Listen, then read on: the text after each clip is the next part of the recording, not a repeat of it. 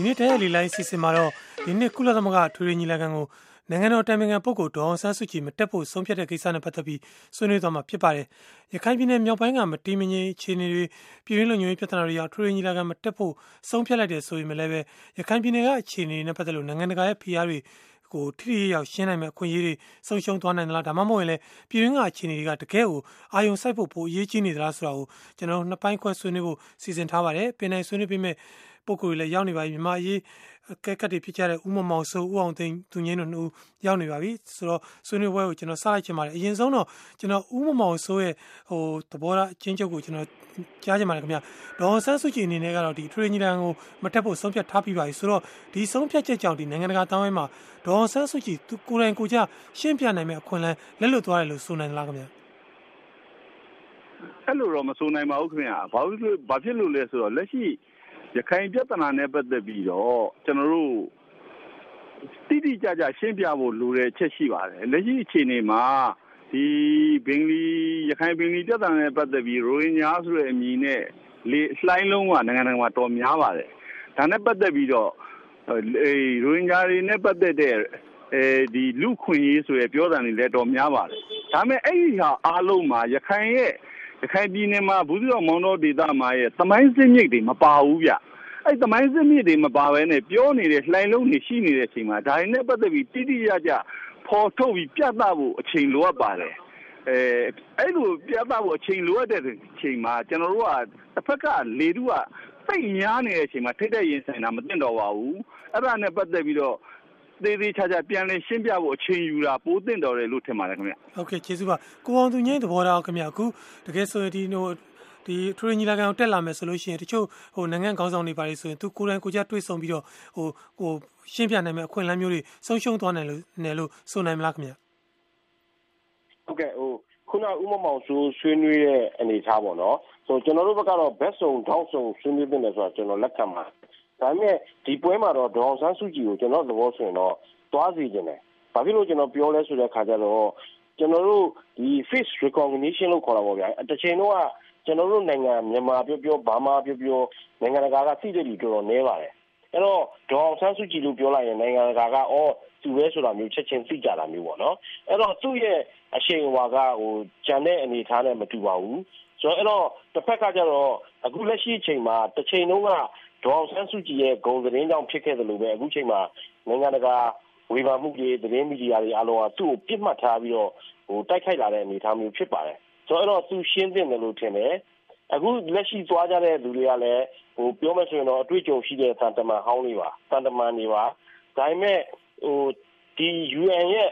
ပေါ့နော်အဲ့ဒီမှာကျတော့ဒီအစည်းအဝေးကြီးမှာ မိကုံပြောတာတဲ့ဆိုင်ရင် ကျွန်တော်တို့ sideline meeting ဆိုခေါ်တဲ့ ဒီအချင်းချင်းအပအပြန်လာအပေးယူညှိကြရတဲ့ကိစ္စမျိုးတွေပေါ့ဆိုတော့ဒီလိုကိစ္စမျိုးတွေကပို့ပြီးတော့အရေးပါနိုင်ပါတယ်အဲ့တော့ဒေါအောင်ဆန်းစုကြည်ဆိုရင်တော့ဒီတချို့နိုင်ငံခေါင်းဆောင်ကြီးတွေကိုချက်ချင်းဟိုနားချနိုင်တဲ့စီးရုံးနိုင်တဲ့အနေအထားလည်းဖြစ်နိုင်တယ်လို့ထင်ပါတယ် ဟုတ်ကဲ့ကျေးဇူးပါကျွန်တော်တို့ဒီဆွေးနွေးပွဲအတွက်ကိုပါဝင်ဆွေးနွေးဖို့ကျွန်တော်တို့ဆက်သွယ်ထားတဲ့ပုံကိုယ်တွေလည်းအတော်များနေပါတယ်သူတို့ကိုလည်းအလှည့်ပေးခြင်းပါတယ်ဟိုအရင်ဆုံးတော့နည်းနည်းဆွေးနွေးမဲ့သူတွေလည်းများတဲ့အတွက်လိုရင်းတူရှင်းဆွေးနွေးပေးဖို့လည်းကြိုပြီးတော့မြစ်တာရက်ခံလိုပါတယ်အရင်ဆုံးကတော့ကျွန်တော်တို့မင်နီဆိုတာအမေရိကန်ပြည်ထောင်စုဒီမင်နီဆိုတာပြည်နယ်ကကိုကျော်စိုးပါကိုကျော်စိုးသဘောထားကိုလည်းဆွေးနွေးပါခင်ဗျဟယ်လိုအာကြားရလားမသိဘူးဗျာဟုတ်ကဲ့ကြားပါတယ်ခင်ဗျာကိုကျော်စိုးဆွေးနွေးပါအာဟုတ်ကဲ့ကျွန်တော်တူတူနဲ့ပဲပြောတော့ပါမယ်နည်းနည်းတော့ရှည်တယ်ဆိုတော့အကုန်လုံးဖျက်ချလိုက်ပါမယ်ဟို ကျွန်တော်ခုကိစ္စမှာဒီဒေါန်ဆန်းစုကြည် မသွားဘဲနဲ့ ဒုသမတန်သွားဦးဟင်နရီဘန်ချူဘန်ချီယူ သွားတဲ့ကိစ္စ ပြောတယ်မလား ကျွန်တော်ထင်တာကလေဒီဒေါန်ဆန်းစုကြည် သွားလို့ရှိရင် ဒီမှာ နိုင်ငံတကာက ပို့ပြီးတော့ သူ့ကိုသူ့ပေးမယ်ပေါ့ဗျာ ပြီးတော့ နိုင်ငံတကာက ဘာပြောတယ်လဲဆိုတော့ဟိုမြန်မာနိုင်ငံမှာ မွတ်စလင်နဲ့ ခရစ်ယာန်တွေကို ဖိနှိပ်တယ်ဆိုတဲ့ဟာတွေက အရင်ကြည်ကြည်လောင်လောင် ဖြစ်တယ်လေ အဲ့လိုဖြစ်တဲ့ခါကျတော့ဦးဟင်နရီကခရစ်ယာန်ဖြစ်တဲ့ခါကျတော့သူသွားလိုက်တဲ့ခါကျတော့မြန်မာနိုင်ငံမှာခရစ်ယာန်တောင်မှသမတဖြစ်နေတဲ့ဆိုဟာကိုသူလက်တွေ့ပြလိုက်တာပဲကျွန်တော်အဲ့လိုမြင်ပါတယ်ဟုတ်ကဲ့ကျေးဇူးပဲကျွန်တော်တူတူနဲ့ပြောတာပါဟုတ်ကဲ့ကျေးဇူးပါခင်ဗျာကျွန်တော်တို့ email တွေ Facebook တွေကနေမှတ်ချက်ပေးဆွေးနွေးထားတဲ့ပုံကိုတချို့လည်းပဲဒီနေရာမှာအလင်းသိလို့ဖော်ပြကြပါတယ်တူကတော့ကျွန်တော်တို့ American ပြည်တော်စုကမောင်တသနာပါမောင်တသနာရဲ့ email ကိုကိုရန်နိုင်ဖတ်ပြပေးပါခင်ဗျာ ရခိုင်မြောက်ပိုင်း တည်ငြိမ်ရေးအတွက် အစိုးရက ကြိုးပမ်းဆောင်ရွက်နေသမျှ ဥပက္ခာပြုပြီးတော့မျိုးတုံးတပ်ဖြတ်မှုတွေ ဖြစ်နေသကြောင်းသတင်းအတုရောင်တွေပေါ်မှာ အာယုံစိုက် ဆွေးနွေးကြမဲ့ဒီညီလာခံကို အမေစု မတက်ရောက်တာဟာ မှန်ကန်တဲ့ ဆုံးဖြတ်ချက်လို့ ယူဆမိပါတယ် အကြောင်းကတော့ အခုချိန်ဟာ ပြည်တွင်းတည်ငြိမ်ရေးနဲ့ လုံခြုံရေးက ပိုပြီးအရေးကြီးလို့ပါပဲ။နိုင်ငံတကာက အော်နေတာက လူ့အခွင့်အရေးကိစ္စ တခုတည်းပါ။အစိုးရ ရင်ဆိုင်ဖြေရှင်းနေရတဲ့ ပြဿနာက ပိုများပါတယ်။ အဆိုးဆုံးကတော့ ဆင်ခြင်တုံတရားကင်းမဲ့ပြီး လူမျိုးရေးကို ဇောင်းတင်ပြီး မျိုးတုန်းသတ်ဖြတ်မှုတွေ ကျူးလွန်နေပါတယ်လို့ တဖက်သတ် စွပ်စွဲနေတဲ့ ကုလလူ့အခွင့်အရေး ကော်မရှင်နာမင်းကြီးနဲ့ အစ္စလာမ္မစ်နိုင်ငံတွေရဲ့ဆင့်ကမ်းတော်တိုပြစ်တင်ဝေဖန်သံတွေဟာ ဒုက္ခသည်အရေး ငြိမ်းချမ်းစွာ ဖြေရှင်းရေးထက် အကြမ်းဖက်သမားတွေကို တွန်းအားပေးရေး သီးခြား ပြည်နယ်တောင်းဆိုရေး ပိတ်ဆို့ရေးယူမှုတွေ ချမှတ်နိုင်ရေးနဲ့ နိုင်ငံတဝန်း လူမျိုးရေး ဘာသာရေး ပဋိပက္ခတွေ အကြီးအကျယ် ပေါ်ပေါက်လာရေးကို ဦးတည်နေတာကြောင့် အမေစုအနေနဲ့ ပြည်တွင်းရေးကို ဦးစားပေးဖို့ ဆုံးဖြတ်ချက်ချလိုက်တာဟာအသင့်တော်ဆုံးလို့ယူဆမိပါတယ်ခင်ဗျာ။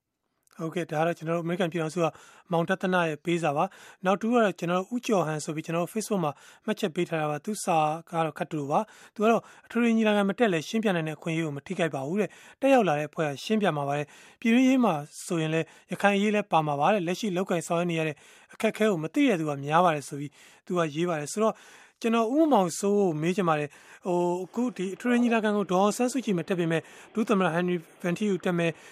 ဥဆောင်တဲ့ကိုယ်စားလှယ်ဖွဲ့ရတက်မယ်နောက်ပြီးတော့အမျိုးသားလုံခြုံရေးချန်ပီဦးတောင်းထွန်းတို့လည်းပါမယ်ဆိုတော့ဒီပုံကိုယ်တွေအနေနဲ့စောစောကတောတာရှင်စာရဲရလို့အခြေအနေတွေကိုရှင်းပြနိုင်မဲ့အခြေအနေမျိုးတွေတကယ်ရောရှိတယ်လို့ဥမောင်ဆိုယူဆလာကြများ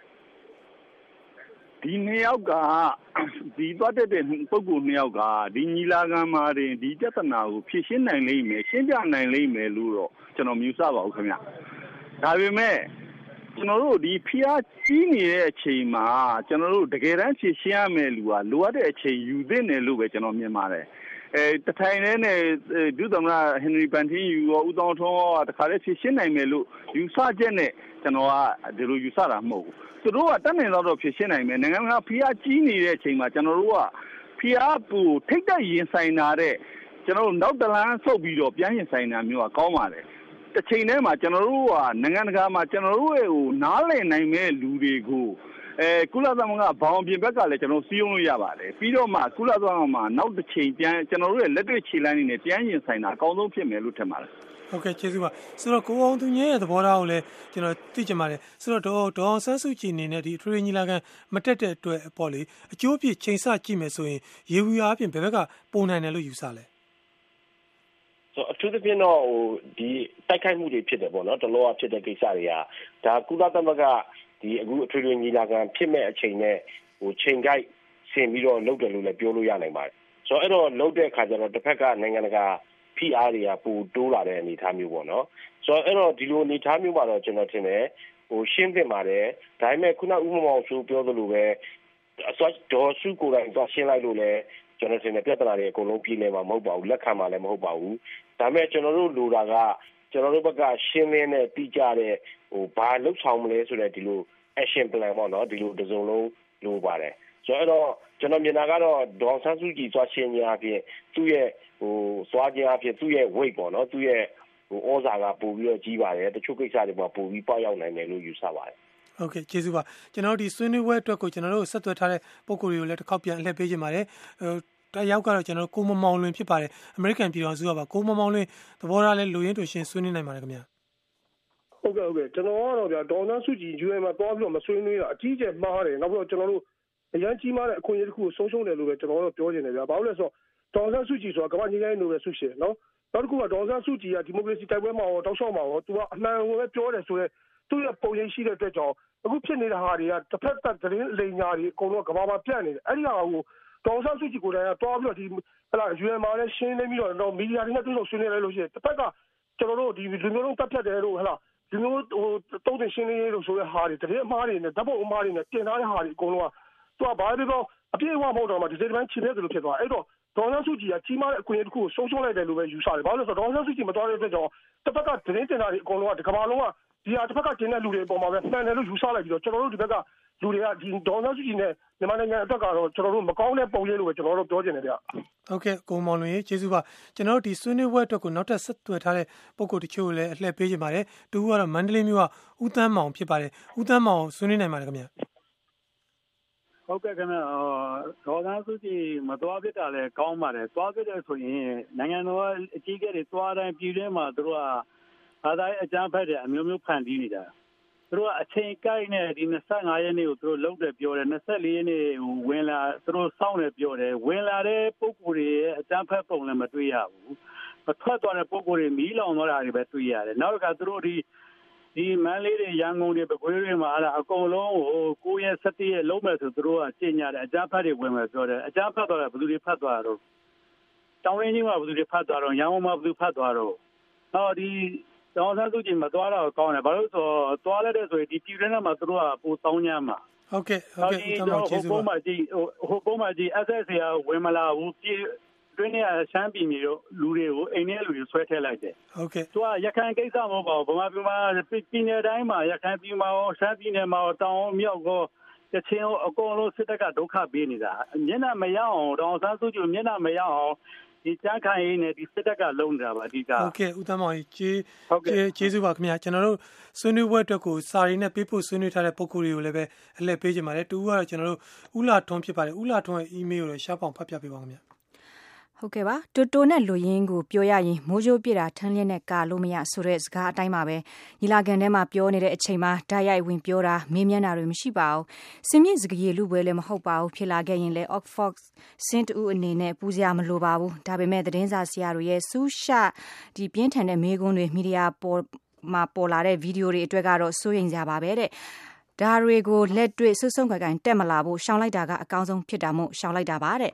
ပြည်တွင်းလုံခြုံရေးကိစ္စလက်တွေ့ကြကြမြေပြင်မှာကင်တွယ်လှုပ်ဆောင်နေတာကပြည်ထရေးဝန်ကြီးဗိုလ်ချုပ်ရဲမှုကြီးတွေနဲ့တိုင်းခရိုင်မြို့နယ်လုံခြုံရေးဝန်ကြီးဗိုလ်ချုပ်နဲ့ဗိုလ်မှုကြီးတွေစစ်ဗိုလ်တွေပါ သူတို့နာခံတာတာဝန်ယူတာကပြည်ထရေးဝန်ကြီးဗိုလ်ချုပ်ရဲ့စစ်အမိတ်ပါ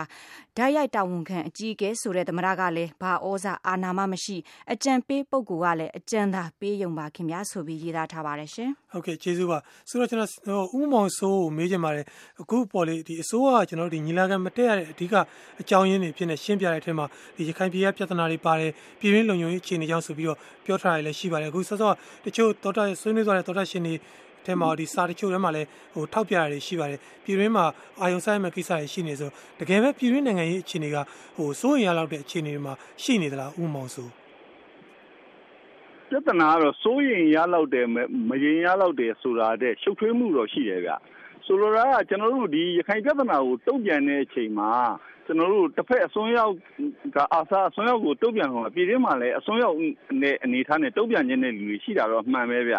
ဆိုတော့အဲ့တော့ ကျွန်တော်တို့ကဟိုတောင်တွင်းကြီးမှာလို့ဖြစ်တယ်စမ်းကြောင်းမှာဖြစ်တယ်အဲဒါမျိုးတွေနဲ့ပတ်သက်လာရင်ကျွန်တော်2012လို့ပေါ့ဗျာတော့ရခိုင်မှာပြဿနာဖြစ်ပြီးတော့ပြည်တွင်းနေရာအနှံ့ပြားမှာတော်တော်များများမှာပြဿနာတွေဖြစ်ခဲ့တယ်ဒီလိုမျိုးမဖြစ်ဖို့တော့လိုတယ်ဗျဘာလို့လဲဆိုတော့အစွန်းရောက်ကိုကျွန်တော်တို့အစွန်းရောက်နဲ့ဆန့်ကျင်လို့မရဘူးအဲ့လိုဆန့်ကျင်ရင်များကြီးရဲ့ပုံရိပ်ကပိုးထိခိုက်မှာအဲ့လိုအခြေအနေကိုဖြစ်မလာအောင်ကျွန်တော်တို့ထိမ့်သိမ်းမှုလိုတယ်ထိမ့်သိမ်းမှုလိုတဲ့အချိန်မှာအခုနိုင်ငံတော်သမ္မတကလည်းပြည်တွင်းမှာမရှိတဲ့အချိန်မှာ နိုင်ငံတော်တိုင်ပင်ခံ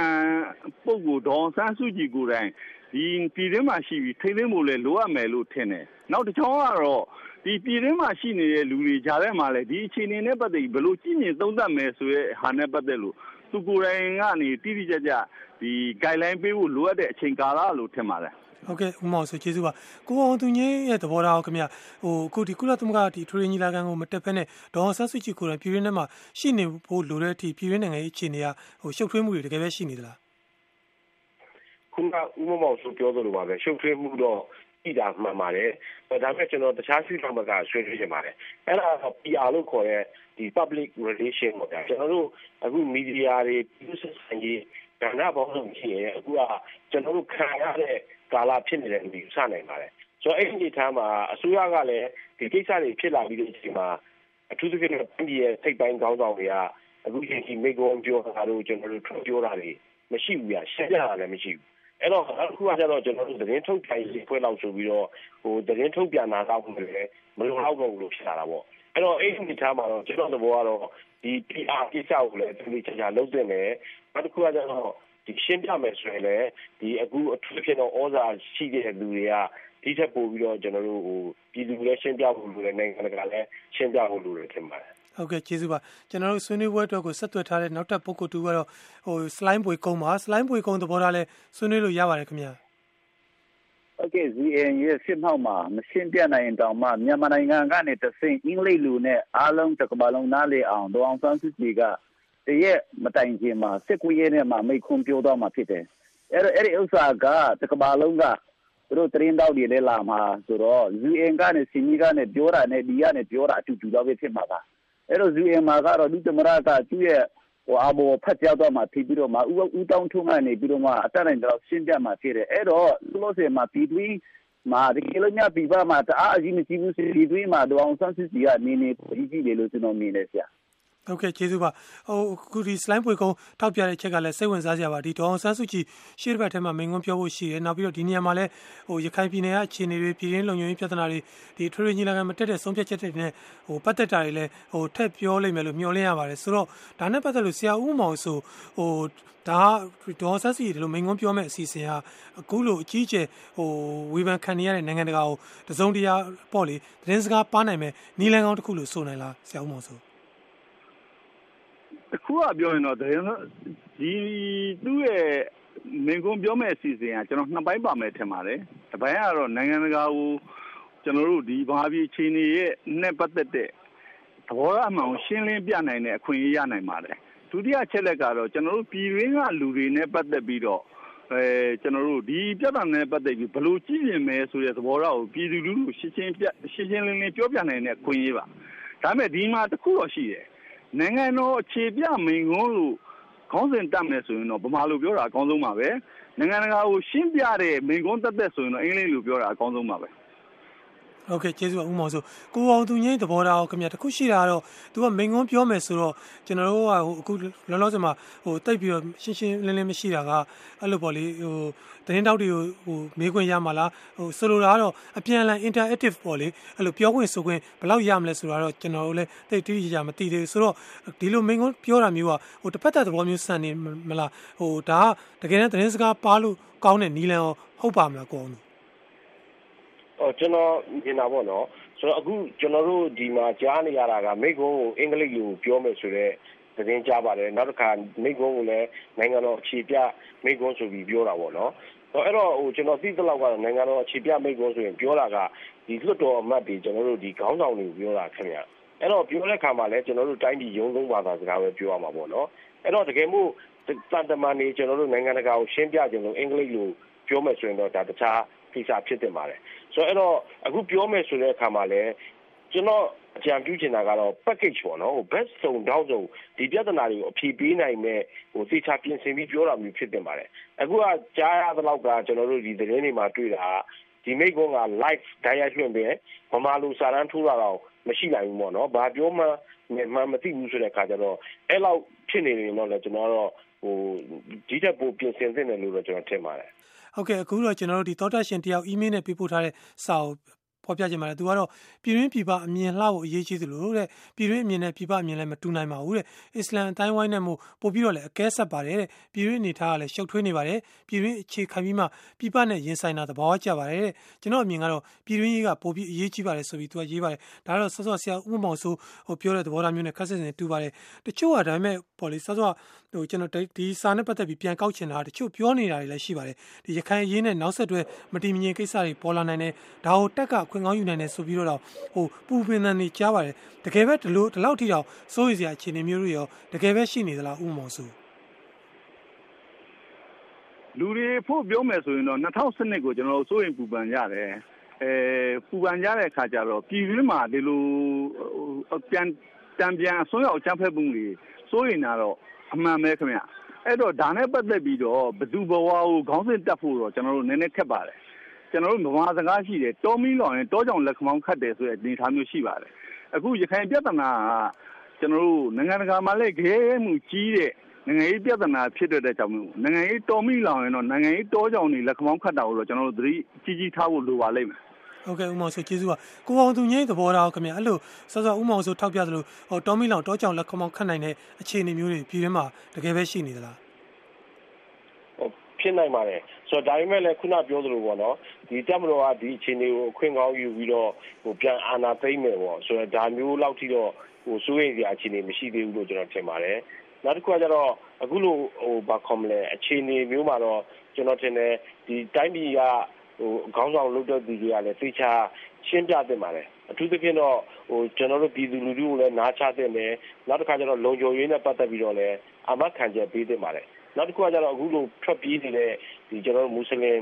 ဟိုအဆိုင်အဆိုင်ဝန်းပေါ့ဗျာဆိုတော့သူတို့နဲ့ပတ်သက်လို့လည်းဟိုတက်နိုင်တဲ့လောက်စိတ်မပူဘူးပေါ့နော်အကြမ်းဖက်မှုမဟုတ်ဘူးဆိုလို့ရှိရင်သူတို့အနေနဲ့အေးအေးချမ်းချမ်းဆက်နေနိုင်တယ်ဆိုတဲ့ဟာမျိုးအာမခံချက်တွေပေးဖို့လိုတယ်ထင်ပါတယ် ဟုတ်ကဲ့ကျေးဇူးပါဆိုတော့ဒီရခိုင်ရေးနဲ့ပတ်သက်လို့ဒီနိုင်ငံတကာတွေ PR တွေကတော့လက်တလုံးမှာဟိုတိုးလာတာမဲကြားတယ်ရော့သွားတဲ့အတန်တိတ်မကြောက်ဟိုဒီနေ့ပဲဆိုရင်ကျွန်တော်တို့ဟိုသတင်းတွေထဲမှာတွေ့ရတာဒီ Nobel ဆုရှင်တွေနဲ့ဒီနိုင်ငံတကာထင်ရှားတဲ့ပုံကိုယ်တွေဝိုင်းလက်မှတ်ထိုးပြီးလုံခြုံရေးကောင်စီကိုဒီကိစ္စနဲ့ပတ်သက်ပြီးကင်တွယ်ဖို့ဆိုပြီးတော့တိုက်တွန်းတဲ့စာပို့တာမျိုးတွေတောင်ရှိပါတယ်ဆိုတော့ဒီလိုနိုင်ငံတကာ PR တွေရော့လာဖို့ဆိုရင်ဟိုပြည်တွင်းပြည်ပမှာဘာတွေလုပ်ဖို့လုပ်မလဲဆရာဦးမောင်ဆိုသဘောထားကိုဟိုဆွေးနွေးပြပါဦးခင်ဗျာ ကျွန်တော်တို့ကရခိုင်ပြဿနာနဲ့ပတ်သက်ပြီးရှင်းရှင်းလင်းလင်းကျွန်တော်တို့ကကဘာကိုပြောပြဖို့လိုပါတယ်ခင်ဗျာကျွန်တော်တို့ကအခုကရခိုင်ပြဿနာကိုပြောရင်လက်ရှိအခြေအနေပဲပြောတယ်တမိုင်းကြောင်းမပြောဘူးနော်အဲ့တော့ကျွန်တော်တို့ကလက်ရှိအခြေအနေလည်းပြောပြဖို့လေတမိုင်းကြောင်းလည်းပြောပြဖို့လိုတယ်အဲ့ဒီအခြေအနေကိုစစ်စစ်ငုံပေါ့နော်အားလုံးသေသေးချာချာပြောပြဖို့လိုတယ်အဲ့တစ်ဖက်ကကျွန်တော်တို့တိုင်းပြည်ရဲ့အားနည်းချက်တစ်ခုကဘာလဲဆိုတော့သတင်းမီဒီယာနဲ့ပတ်သက်လို့ကန့်တတ်တာပဲအဲ့ဒီနယ်ကိုသတင်းမီဒီယာဝင်ဖို့ကန့်တတ်တဲ့လေနိုင်ငံတကာကတန်တရားကြီးလေပဲ အဲ့တော့ကျွန်တော်အမြင်အပြောမယ်ဆိုရင် ပထမကျွန်တော်တို့အစိုးရဘက်ကရှင်းဖို့လိုတာကတော့လက်ရှိအခြေအနေရောဒီသမိုင်းဆိုင်ရာဖြစ်ပေါ်တိုးတက်လာတဲ့သမိုင်းဘာကြောင့်ဘယ်သမိုင်းကြောင့်ဖြစ်လာတယ်ဆိုတာကိုရှင်းဖို့လိုတယ်နောက်တစ်ခုကမီဒီယာနဲ့ပတ်သက်ပြီးတော့ဒီနေရာမို့လွတ်လွတ်လပ်လပ်ဝင်သတင်းယူဝင်ကိုလည်းပေးဖို့လိုအပ်တယ်လို့ထင်ပါတယ် ဟုတ်ကဲ့ကျေးဇူးပါဆိုတော့အခုဒီနိုင်ငံတကာအမြင်မှာတော့လက်တလောကဟိုလူတွေတိမ့်တဲ့ချီထွက်ပြေးနေတာကိုဟိုမြန်မာဒီတာဝန်ရှိတဲ့လူတွေကမျက်စိစုံမဲ့ညင်းနေတယ်ဆိုတော့အမြင်မျိုးတွေဖြစ်နေပါတယ်ဆိုတော့ဒီလိုအမြင်တွေပြောင်းဖို့ဆိုရင်ဟိုကိုအောင်သူငိမ့်သဘောထားခင်ဗျာပြည်ရင်းပြည်ပမှာဘာတွေများလုပ်ဖို့လိုမလဲအရင်ကျွန်တော်မှတ်မိတော့ဆိုအရင်စစ်ဆိုးရရဲ့လက်ထက်တုန်းကဆိုရင်ဒီဟို lobby fund တွေဘာတွေငှားပြီးဒီအမေရိကန်တို့ဒီနိုင်ငံတကာမှာချင်းကတ်တာမျိုးတွေတောင်ရှိခဲ့ဘူးပါတယ်ဆိုတော့ဟိုမြန်မာအစိုးရအနေနဲ့ပြည်ရင်းပြည်ပပေါ့လေဆော့ဆော့ကိုအောင်သူငိမ့် ထောက်ပြခဲ့တယ်လို့ပဲတစုံလုံးအနေနဲ့ဟိုလှုပ်တဲ့နဲ့လှုပ်ထိုက်တာတွေဘာတွေများရှိမလဲအဲကျွန်တော်တယောက်တည်းတော့ဟိုညံမိတော့ပဲပြောလို့နိုင်မှာပေါ့နော်အဲ့တော့ကျွန်တော်မြင်တာကတော့ဒီလိုအခုကိစ္စတွေမှာအထူးသဖြင့်ဒီသူတို့ဘက်က pan islamism လို့ခေါ်တဲ့ဒီ OIC ပေါ့မွတ်စလင်နိုင်ငံအုပ်လုံးရဲ့ဒီစိတ်ဆိုးဒေါသထွက်နေတဲ့အခြေအနေကိုရင်ဆိုင်ရပါတယ်ဆိုတော့တစ်ဖက်ကသူတို့နဲ့လည်းဟိုကျွန်တော်တို့ဒါကိုရှင်းမှု လိုတယ်လို့ထင်ပါတယ် နောက်တစ်ခုကကျတော့ ကျွန်တော်တို့ ပြီးခဲ့တဲ့ Nagis ကာလတုန်းက လုတ်ခဲ့မှုရဲ့ အတွေ့အကြုံရှိပါတယ် ကျွန်တော်တို့ tripartite core group ကိုခေါ်တဲ့ဒီ ASEAN ကနေဝင်ပြီးတော့ ကျွန်တော်တို့နိုင်ငံ ကယ်ဆယ်ရေးကိစ္စတွေ ဝိုင်းကူသလိုပေါ့နော် အခုကိစ္စတွေမှာလည်း အာဆီယံဘက်ကနေပြီးတော့ဥမာ သူတို့ Good World Office ခေါ်တဲ့တာတမန်ရုံးတွေကို ကျွန်တော်တို့ စစ်တွေတို့ဒီဘူးစီတော့မောင်းတော့မှာ စိုက်ပြီးတော့ အခြေအနေကို စောင့်ကြည့်ပေးတယ် နောက်တစ်ခါလူသားချင်းစာနာတဲ့အကူအညီမျိုးဝိုင်းကူပေးမယ်ပေါ့နော်နောက်တစ်ခါတချို့ကောလာဟလာတွေပြဿနာဖြစ်ရင်လည်းကျွန်တော်တို့ကိုစားသူတို့တွေကဝိုင်းရှင်းပြီးရဆိုလို့ရှိရင်ကျွန်တော်ထင်တယ်ကျွန်တော်တို့အတွက်တော့ဒီထက်ပိုပြီးတော့ဟိုပွင့်လင်းမြင်သာမှုလည်းရှိမယ်ပို့ပြီးတော့လည်းလုံတာကိန်းတာဖြစ်လာမယ်လို့တော့ကျွန်တော်ထင်ပါတယ်ဒါကတော့ကျွန်တော်မြင်တယ်လို့ပြောတာပါဟုတ်ကဲ့ဟိုဒီနိုင်ငံတကာအတိုင်းအတာမှာရောဒီလိုလိုက်လံပြီးရှင်းပြဖို့လို့ဘာလို့ဆိုလို့ရှိရင်အစိုးရအနေနဲ့ဟိုလုံနိုင်တာတွေဘာတွေရှိနိုင်လဲ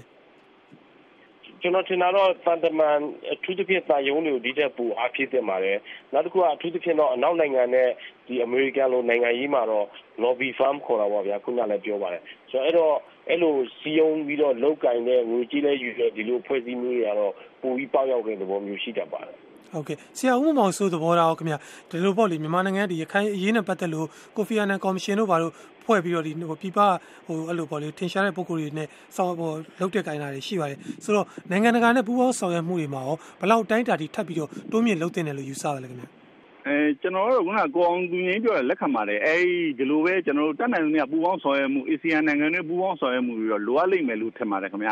အဲအဲ့လိုမဟုတ်ဘဲနဲ့ဖြီးပြီးရင်ဆိုင်မယ်ဆိုလို့ရှိရင်ကျွန်တော်တို့ခက်ပါမယ်တစ်ဖက်ကကျွန်တော်တို့ဘာပဲပြောပြော UN မှာကျွန်တော်တို့ဗီဒီယိုအာနာကင်ထားတဲ့တရုတ်ရုရှားနဲ့တင်ကျွန်တော်တို့အဆင်ပြေုံနဲ့မပြီးပါဘူး ဒေသတွင်းနိုင်ငံတွေရဲ့ထောက်ခံမှုလည်းကျွန်တော်တို့လိုအပ်မယ်လို့ထင်ပါတယ်ဟုတ်ကဲ့ကျေးဇူးထူးတင်ပါတယ်ပင်နိုင်ဆွေးနွေးပေးကြတဲ့မြန်မာရေးသုံးသက်သူဦးမောင်စိုးဦးအောင်တုံရင်းနဲ့ကိုယ်တိုင်ပါဝင်ဆွေးနွေးတဲ့ပုံကိုယ်တွေအီးမေးလ်တွေ Facebook တွေနဲ့ပါဝင်တဲ့သူတွေနဲ့နားဆင်တဲ့သောတာရှင်တွေအားလုံးကိုလည်းပဲအထူးကျေးဇူးတင်ပါတယ်ခင်ဗျာ